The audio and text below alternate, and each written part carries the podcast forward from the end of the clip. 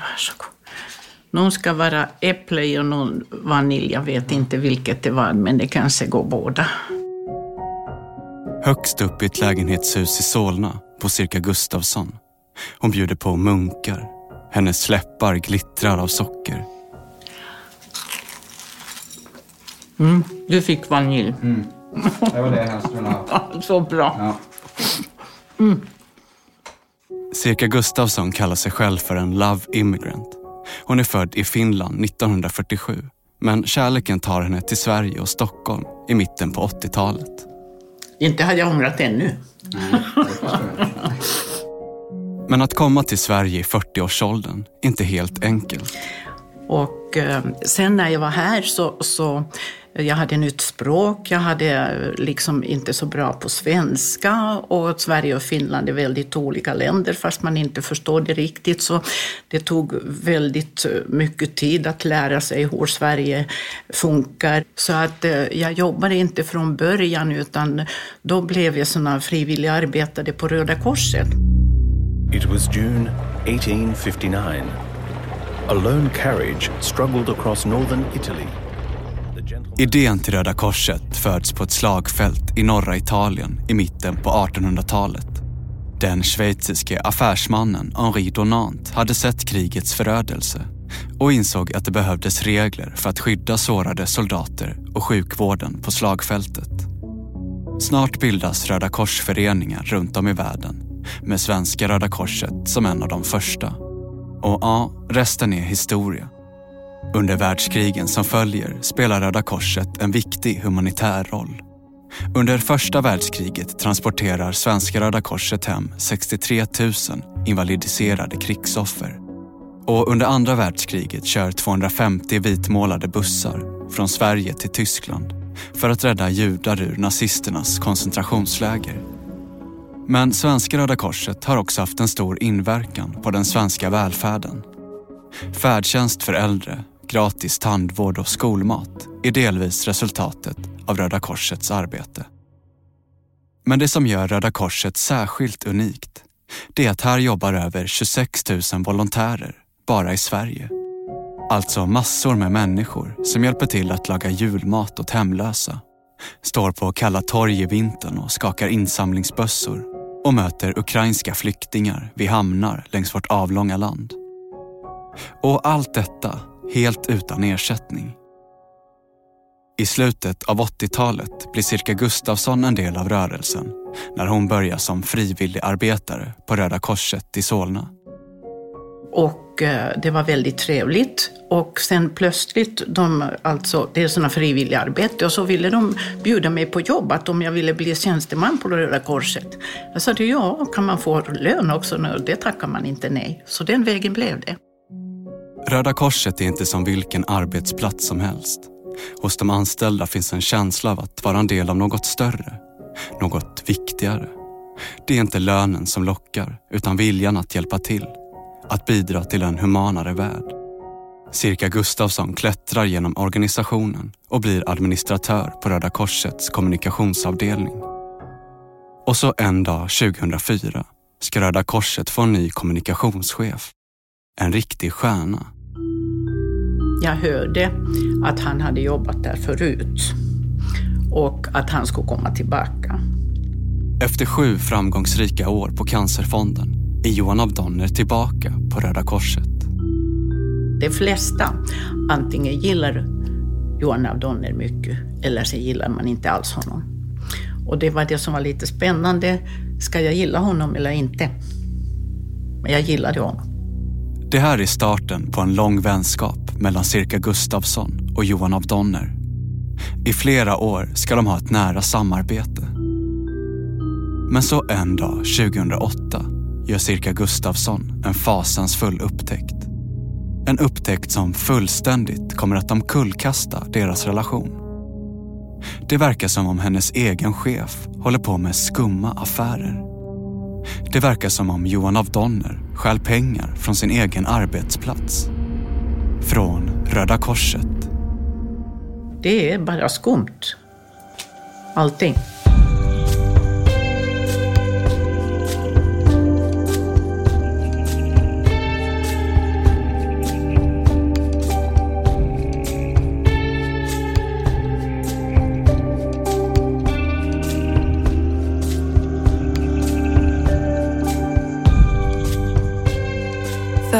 Air Ear Studio presenterar Skuggland säsong 2. Korsfararen. Ett program i fem delar av Mårten Trofast.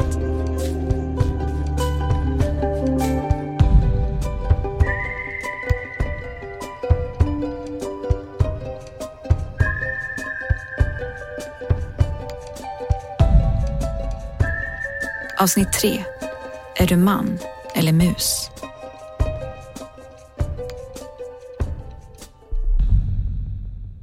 Om du vill slippa reklam och dessutom lyssna på alla avsnitt av Skuggland redan nu kan du bli prenumerant hos oss. För 49 kronor i månaden får du full tillgång till den här podden och alla andra program som vi gör här på Third Ear Studio. Gå in på thirdearstudio.com eller läs mer i avsnittsbeskrivningen. Tillbaka till programmet.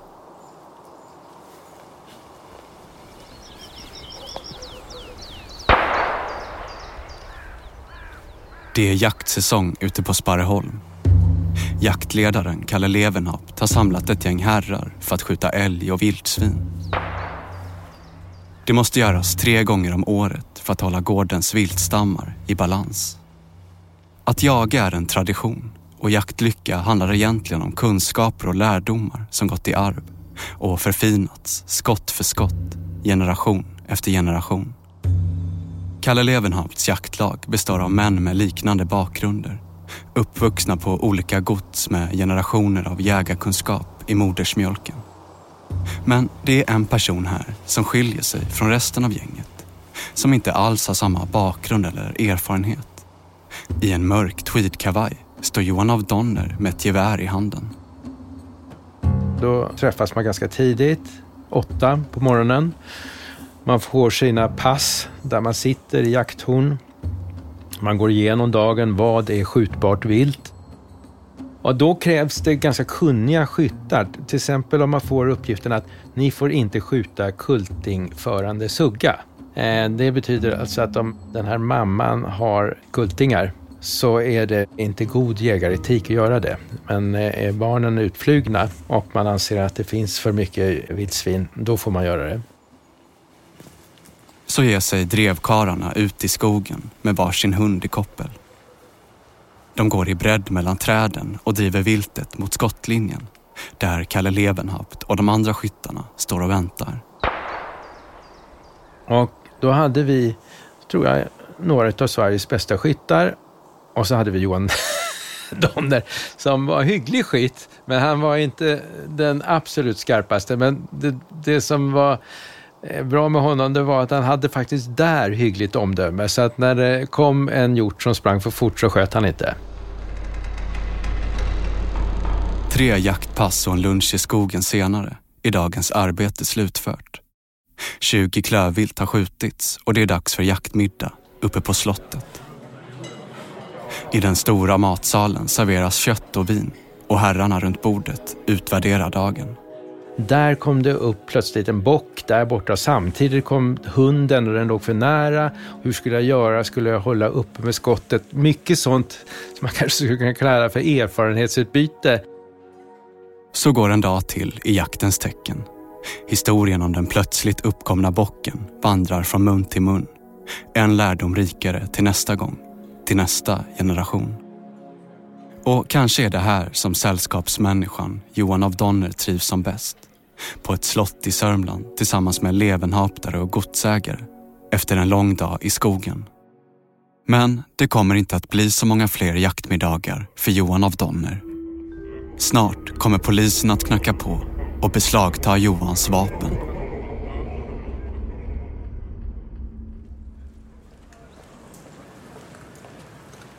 Röda Korsets huvudkontor ligger i en vacker aprikosfärgad byggnad på Hornsgatan i Stockholm. Året har blivit 2004 och Johan av Donner är tillbaka. Han är väldigt väluppfostrad, han är väldigt charmig, han kan bete sig som gentleman. Administratören Cirka Gustafsson berättar. Alltid väldigt välklädd. Dock alltså fina kläder men ganska slitna. Så att, att jag ansade ofta också att det har jag inte råd att köpa nya, men de var liksom riktigt fina grejer. Den nya chefen är charmig. Johan av Donner verkar brinna för Röda Korsets verksamhet och har nästan löjligt hög moral. Vi hade till exempel någon möte så han ofta köpte kaffebröd med sina egna pengar. När han sa att man skulle inte använda Röda Korsets pengar till sånt här. Han använde aldrig taxi. Han körde cykel, åkte cykel året runt, till och med sommar och vinter. Därför att man skulle inte använda pengar till taxi, inte Röda Korsets pengar. När Johan av Donner nu gör comeback på Röda Korset är han en stjärna i branschen. Han plockad av generalsekreterare Christer Zettergren. Johan av Donner är expert på att få människor att öppna plånboken och stoppa sina pengar i välgörenhetsbössorna. Under hans första period på Röda Korset ökar de årliga insamlingarna från 70 till 200 miljoner kronor. Och på Cancerfonden dubblar Johan av Donner insamlingsresultatet till 300 miljoner kronor om året. Och tillbaka på Röda Korset kastas Johan av Donner direkt in i hetluften. När Johan gick från Cancerfonden till Röda Korset, Kalle Levenhaup berättar. då frågade han om vi ville följa med och bli deras reklambyrå. Och vi hade haft ett framgångsrikt samarbete, så det kändes självklart. Han hade dubblat insamlingen där och nu hoppades man att han skulle göra samma sak för Röda Korset. Och jag minns att vi började med ett arbete och då är jag på väg upp med familjen till Idre och åker tåg, vi skulle åka skidor och då ringer Johan mig när vi är kvar i tågkupén i sovvagnen och säger att det har varit en stor flodvågskatastrof i Thailand. Vi vet inte omfattningen ännu, men det skedde bara för några timmar sedan och vi kommer behöva agera. Jag vet inte riktigt vad som men du måste finnas tillgänglig i telefon. Och då hände tsunamin. En mycket kraftig jordbävning har under natten drabbat ett stort område kring Bengaliska viken. Tusentals människor befaras ha omkommit när vågorna svepte med sig hus, bilar och människor. Det kraftigaste skalvet uppmättes till 8,9 på Richterskalan. Det värsta i världen på 40 år enligt amerikanska seismologer. Annandag jul 2004 sköljer tsunamin över Sydostasien och tar hundratusentals människors liv. På den thailändska kusten överrumplas svenska turister av flodvågens raseri. Över 500 svenskar mister livet och den svenska krishanteringen sätts på prov. Men är minst sagt bristfällig. Regeringskansliet saknar en organisation för att hantera allvarliga kriser utomlands. Och insatserna till den drabbade regionen blir kraftigt försenade. Under tsunamin så var det inte bara det att det var brist på sjukvårdspersonal, det var brist på information. Eh, Alltså, ingen visste hur det såg ut. Och statsministrar i alla länder fick väldigt mycket kritik för att de var senfärdiga. Men några som inte är senfärdiga är Röda Korset. De har boots on the ground och kan snabbt hjälpa till med sjukvård, vatten och sjuksängar. Och hemma i Sverige agerar Johan av Donner blixtsnabbt. Då var Johan väldigt bra. Han begrep att eh, vi måste sätta igång här och nu. Vi vet inte hur många som har dött. Om det är några som dött, det visste man, men man vet inte hur många. Och vi måste få ner pengar dit, men vi måste också få ut information åt andra hållet. För att informationen, lägesbeskrivningarna kommer att öka bidragsviljan. Om folk begriper hur det ser ut så kommer man vara mer angelägen att ge pengar. Framgången är omedelbar.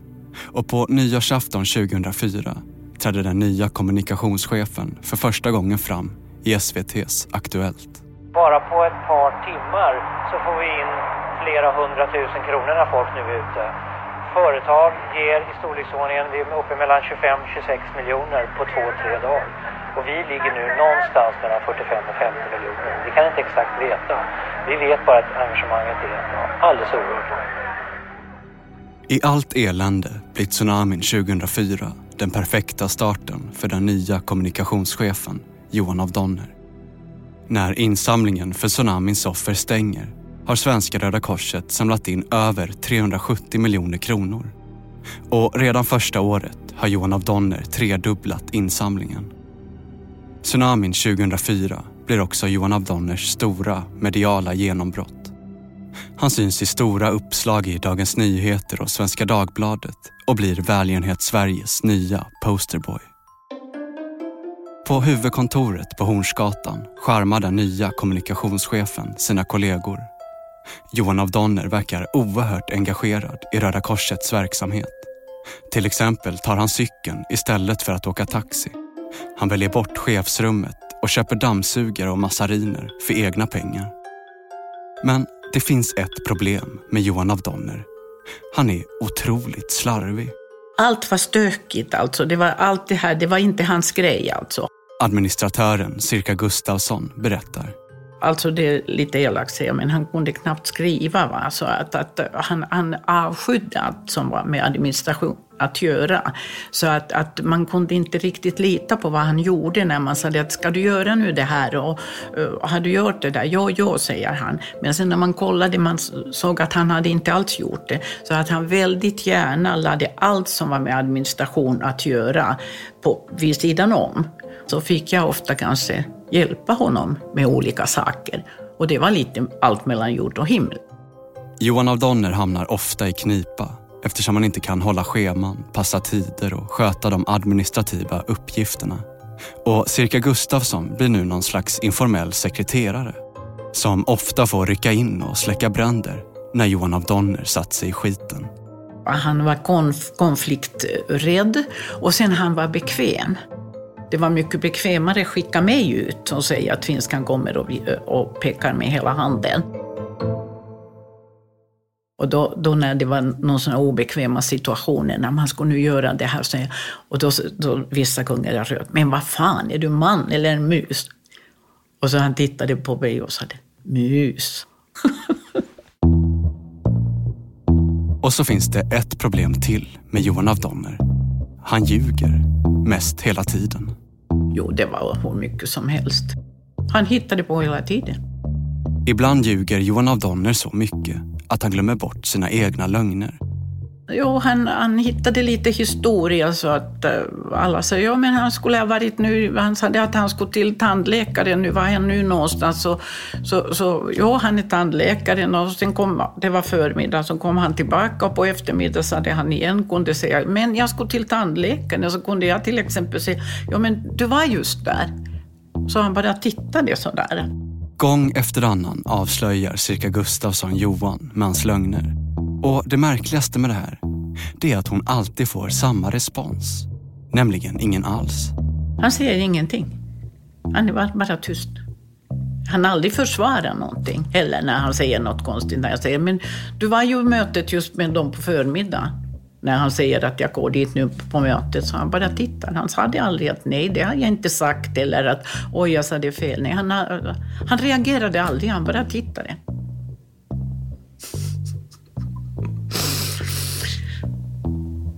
Han kände ingenting? Nej, nej, nej.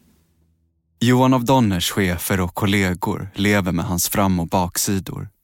Det är typiskt Johan blir ett vedertaget uttryck i korridorerna på huvudkontoret. Johan av Donner kommer undan med sitt slarv eftersom han gör så mycket annat som är bra för Röda Korset. Men så en dag 2007 händer något annat. En faktura kommer in till Röda Korset. Cirka Gustafsson tittar på fakturan. Den är från ett företag som heter Tryckmedia och har Johan av Donner som referens. Ingenting anmärkningsvärt med det. Men Cirka Gustafsson känner inte igen det som tryckmedia fakturerat Röda Korset för. Och, och, då gick jag till Johan och sa det, men vad är det här för faktura? Att, att uh, sånt här uh, projekt vi har inte ju haft. Va? Och då Johan knappt tittade på fakturan och sa det bara till mig, rev det. Och, och vad gjorde du då? Rev den. Naturligtvis. Så några månader senare hände det igen. En ny faktura från tryckmedia Ännu ett projekt som Cirka Gustafsson inte känner igen. Och ännu en gång är referensen Johan av Donner. Och då kom den här också. Jag sa men du, det, det, liksom, det här är sån här faktura, vad är det här för någonting då? Och rev det. Att jag sa men, men, men vad är det för något? Jo, men det är, någon, det är någon som har bara liksom skickat fel den här. Återigen gör Cirka Gustafsson något som inte känns helt rätt. Hon river ytterligare en faktura. Men något har börjat gnaga i hennes huvud. Hon kan inte riktigt släppa det. Det är något med det här som inte stämmer. Håller jag på att bli galen? Alltså varför ska jag plötsligt börja misstänka Johan som är så trevlig och duktig och vill ha bara föra Röda Korsets bästa? Cirka Gustafsson tror att hon håller på att bli galen.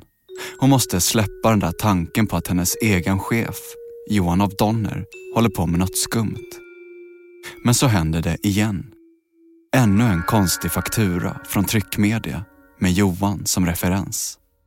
Och den här gången är beloppet på flera hundratusen kronor. Och sen när det kom tredje gången, då ramlades ju femöringen på mig också. Att det här är inte rätt, nu är det någon sån här hund begraven här. Det hade hänt så många gånger att jag förstår, förstod att det är något annat. Då förstod jag att nu måste man göra något.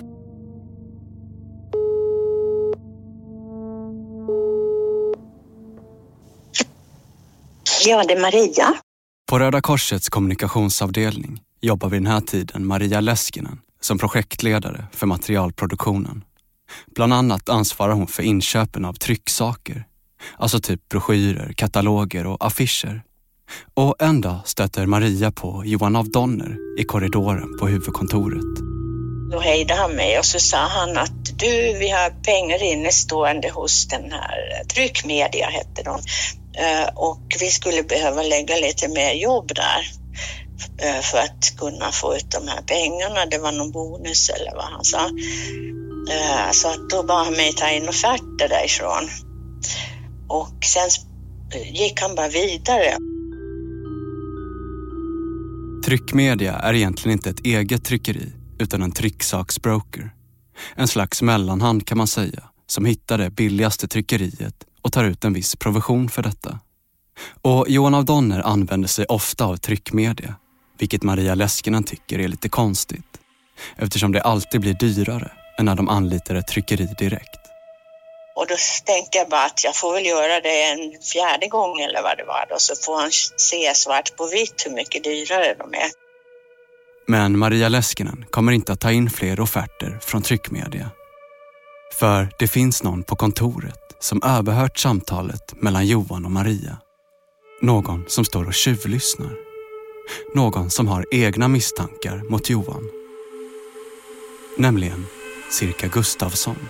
Och då när han hade gått så, så berättade Cirka för mig då att hon misstänkte att det var något konstigt med tryckmedia och att jag inte skulle kontakta dem. och jag började nästan skratta. Jag tänkte, vadå liksom? Och då sa jag till henne att han har bett mig ta in offerter flera gånger förut och jag har förklarat honom, för honom lika många gånger att, att de är väldigt dyra jämfört med om vi anlitar tryckerier direkt. Och Cirka Gustavsson har mer att berätta. Eh, men sen började hon berätta då att hon misstänkte att det var några falska fakturor och hon hade tankar om hur det här bedrägeriet kunde gå till. Eh, och då, jag ville inte tro det. Jag tänkte liksom hon är ute och cyklar, det kan inte stämma. Att det skulle ju skada liksom både honom själv och Röda Korset mycket om det var så. Eh, och sen gick dagarna och jag slog det här mer och mer ifrån mig liksom. Men sen så någon vecka senare så kom hon att berätta mer. Cirka Gustafsson berättar att hon hjälpt Johan att betala hans privata räkningar. Och då såg ju hon, hon hade tydligen koll på vad han hade lön och då såg hon att hans eh, inkomster var betydligt lägre än hans utgifter. Det gick inte ihop.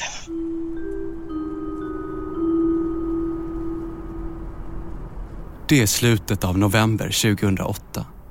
Ute på Ingarö i Stockholms skärgård närmar sig klockan fem på morgonen. Det är beckmörkt ute, men Maria Leskinen är redan vaken. Hon har ett uppdrag. Hon har bestämt sig för att kolla lite närmre på Johan av Donners mystiska relation med tryckmedia. Maria Leskinen sätter sig i bilen och så påbörjar hon färden in mot Stockholm city under gatlyktornas rostgula sken. Maria parkerar bilen utanför den aprikosfärgade byggnaden på Hornsgatan, Röda Korsets huvudkontor, som är alldeles tyst och tomt. I alla fall så var jag där vid sjutiden, loggade in i systemet, började kolla. Då såg jag att det var väldigt mycket fakturor på tryckmedia som de hade skickat. Eh, så det förvånade mig. Och sen så, det var inget annat att göra än att bara skriva ut dem i den ordningen de kom. Eh, så jag hade ju skrivit ut en rejäl bunt när klockan började närma sig åtta och eh, jag hade ju inte kommit till slutet med det där. Och då hörde jag att någon kom i dörren. Plötsligt slås dörrarna till huvudkontoret upp.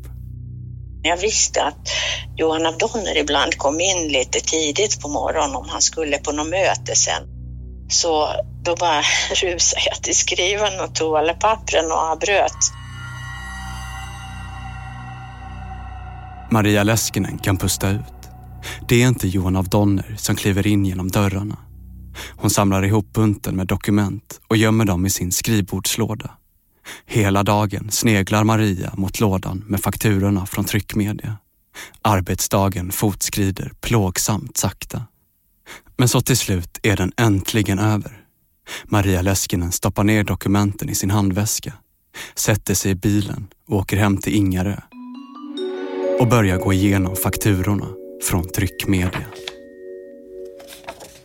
Jag hoppades in i det längsta när jag började bläddra i den här högen med fakturor från tryckmedia.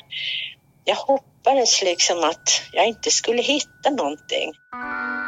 Maria Leskinen inser vad det skulle innebära för Röda Korset om det är så att deras kommunikationschef håller på med skumma affärer.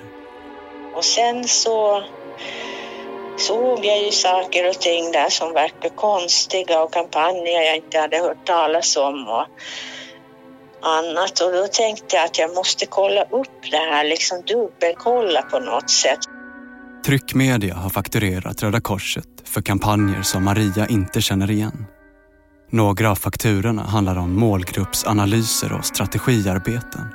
Tjänster som en trycksaksbroker normalt inte sysslar med.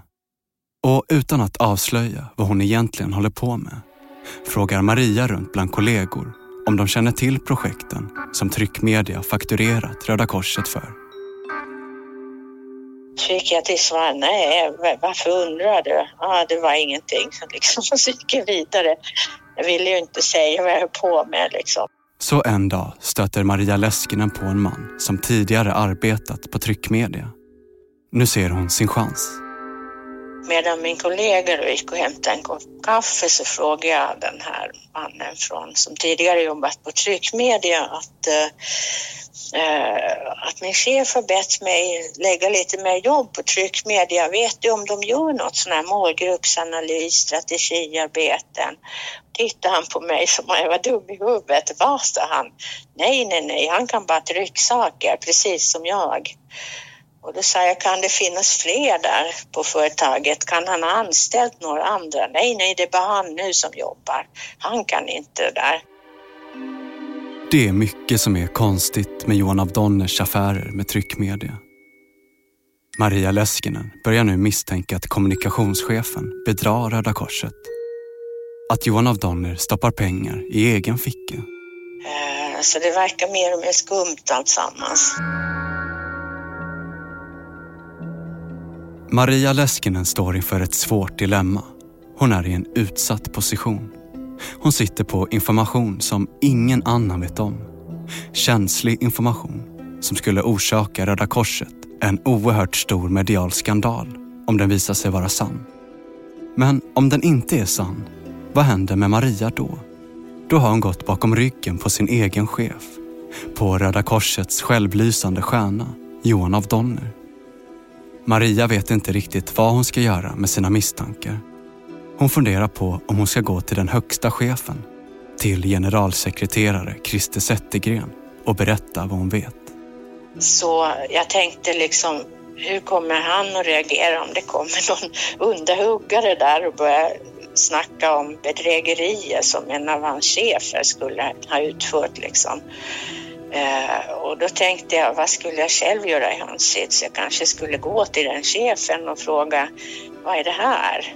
Vad, vad snackar den här personen om? Vad är det här för medarbetare liksom? Och då såg jag liksom att det skulle Johan bli varnad och kanske börja, kunna börja sopa undan om det fanns liksom några bevis och sådär och sen eh, skulle jag antagligen bli uppsagd och Johan som var ganska inte skulle ha kommit med någon förklaring som kanske lät trovärdig. Maria Leskinen vågar inte ta upp sina misstankar med generalsekreterare Christer Zettergren. Han och Johan verkar ju stå varandra så nära. Det var ju Christer som handplockade Johan av Donner till Röda Korset. Men det finns ju en annan person på huvudkontoret som har misstankar mot Johan. Administratören Sirka Gustafsson känner på sig att något inte står rätt till.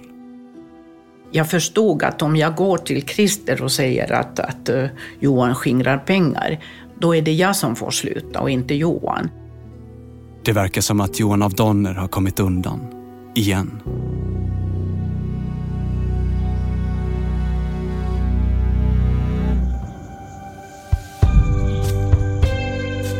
Du har lyssnat på tredje delen av Skuggland, Korsfararen. Den här serien kommer att gå att lyssna på gratis. Varje vecka släpper vi ett nytt avsnitt. Men om du inte vill vänta kan du lyssna på hela serien direkt, utan reklam. För 49 kronor i månaden får du full tillgång till den här podden och alla andra program som vi gör här på Third Ear Studio. Gå in på thirdearstudio.com eller läs mer i avsnittsbeskrivningen. Skuggland, Korsfararen, är ett program av mig, Mårten Trofast. Producent var David Mer. Slutmix Gustav Sondén.